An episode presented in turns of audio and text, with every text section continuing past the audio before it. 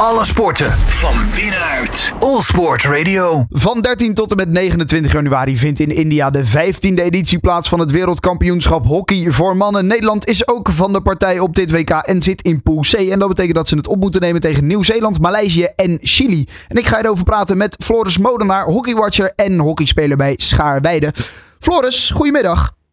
Hey, goedemiddag. Ja, uh, het WK hockey voor de mannen in dit geval dus inderdaad. Uh, doen ze het altijd wel goed op de laatste twee WK's. Uh, was Nederland um, nou ja, bij de top van, van, van, de, van de wereld. Dus ja, op zich doen, gaan ze altijd goed mee, toch? bij bij zo'n WK.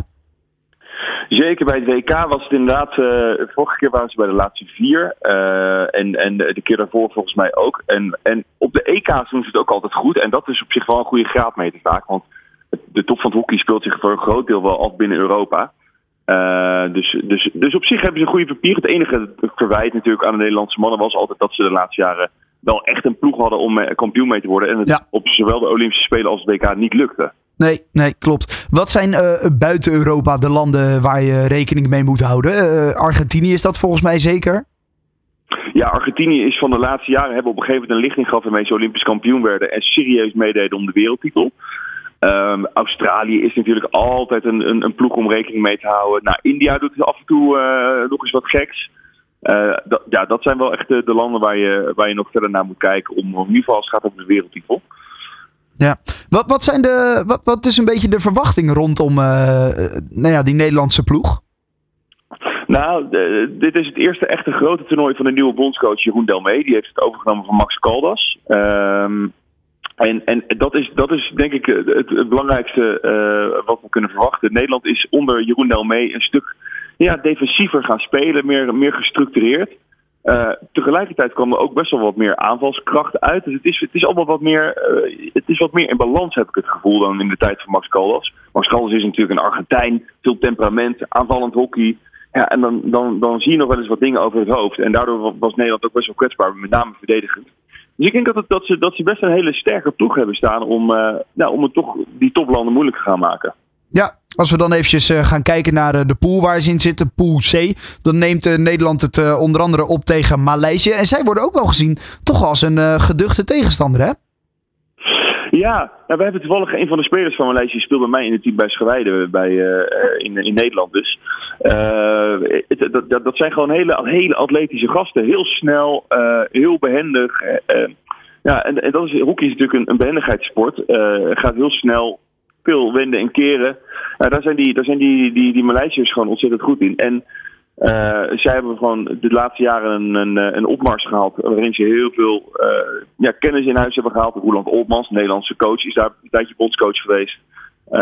Op die manier halen ze steeds meer kennis in huis. Maar, maar met name heel veel vlieguren. Die gasten die trainen gewoon heel veel en heel hard.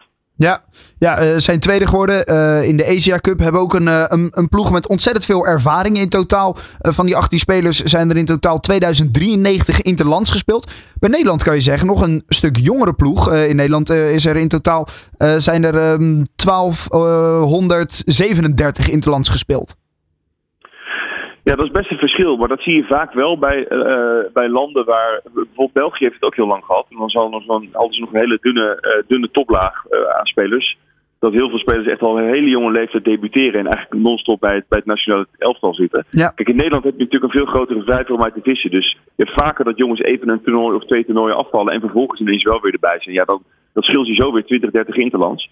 Um, op zich zegt, zegt, denk ik dit aantal niet heel veel over de kwaliteit. Want uh, de jongens die, die voor Nederland uitkomen spelen allemaal in de hoofdklasse in Nederland. Dat is verreweg de beste competitie van de wereld. En dat hebben die jongens uit Maleisië natuurlijk niet. Er is natuurlijk nee. één speler die nu bij ons speelt in, in Nederland. Maar dat is ook ver, direct de eerste Maleisiër ooit die in Nederland speelt. Dus dat is om aan te geven dat, dat die gasten wel op een ander niveau competitie spelen. Ja, en dan uh, de verdere uh, ploegen in deze pool. Dan hebben we het over Nieuw-Zeeland en Chili.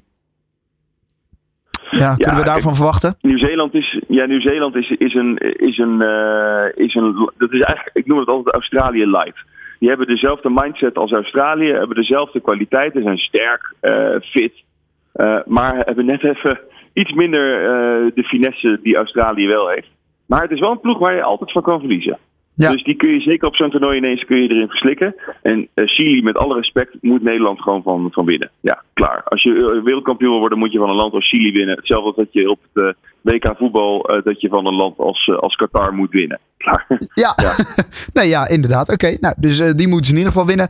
Um, ja, wat kunnen, we, wat, wat, wat, kunnen we voorspellen van dit WK? weer de, de top 4? Of zeg je eigenlijk, nou ja, je moet nu wel een keertje die titel dan ook echt gaan pakken?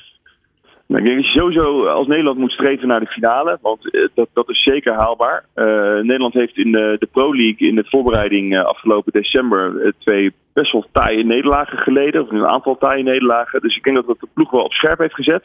Dat de, de, de zwakke plekken nog even, even bloot werden gelegd. En dat ze daardoor juist toe hebben kunnen werken naar een goede toernooi-vibe. Dus ik denk dat ze, dat ze zeker kans maken op de finale. En in die finale is het natuurlijk weer een loterij. Dat, dat, dat zag je bij het WK voetbal ook ja, dan kan het echt alle kanten op. Ja. En, uh, maar ik geef Nederland wel een goede kans. Uh, ik vind dat ze, dat ze onder deel mee een goede stap hebben gezet. Oké, okay, nou het uh, WK hockey begint op 13 januari, duurt tot 29 januari en de eerste wedstrijd voor de Nederlandse mannen vindt plaats op 14 januari om 3 uur. Alle sporten van binnenuit. All Sport Radio.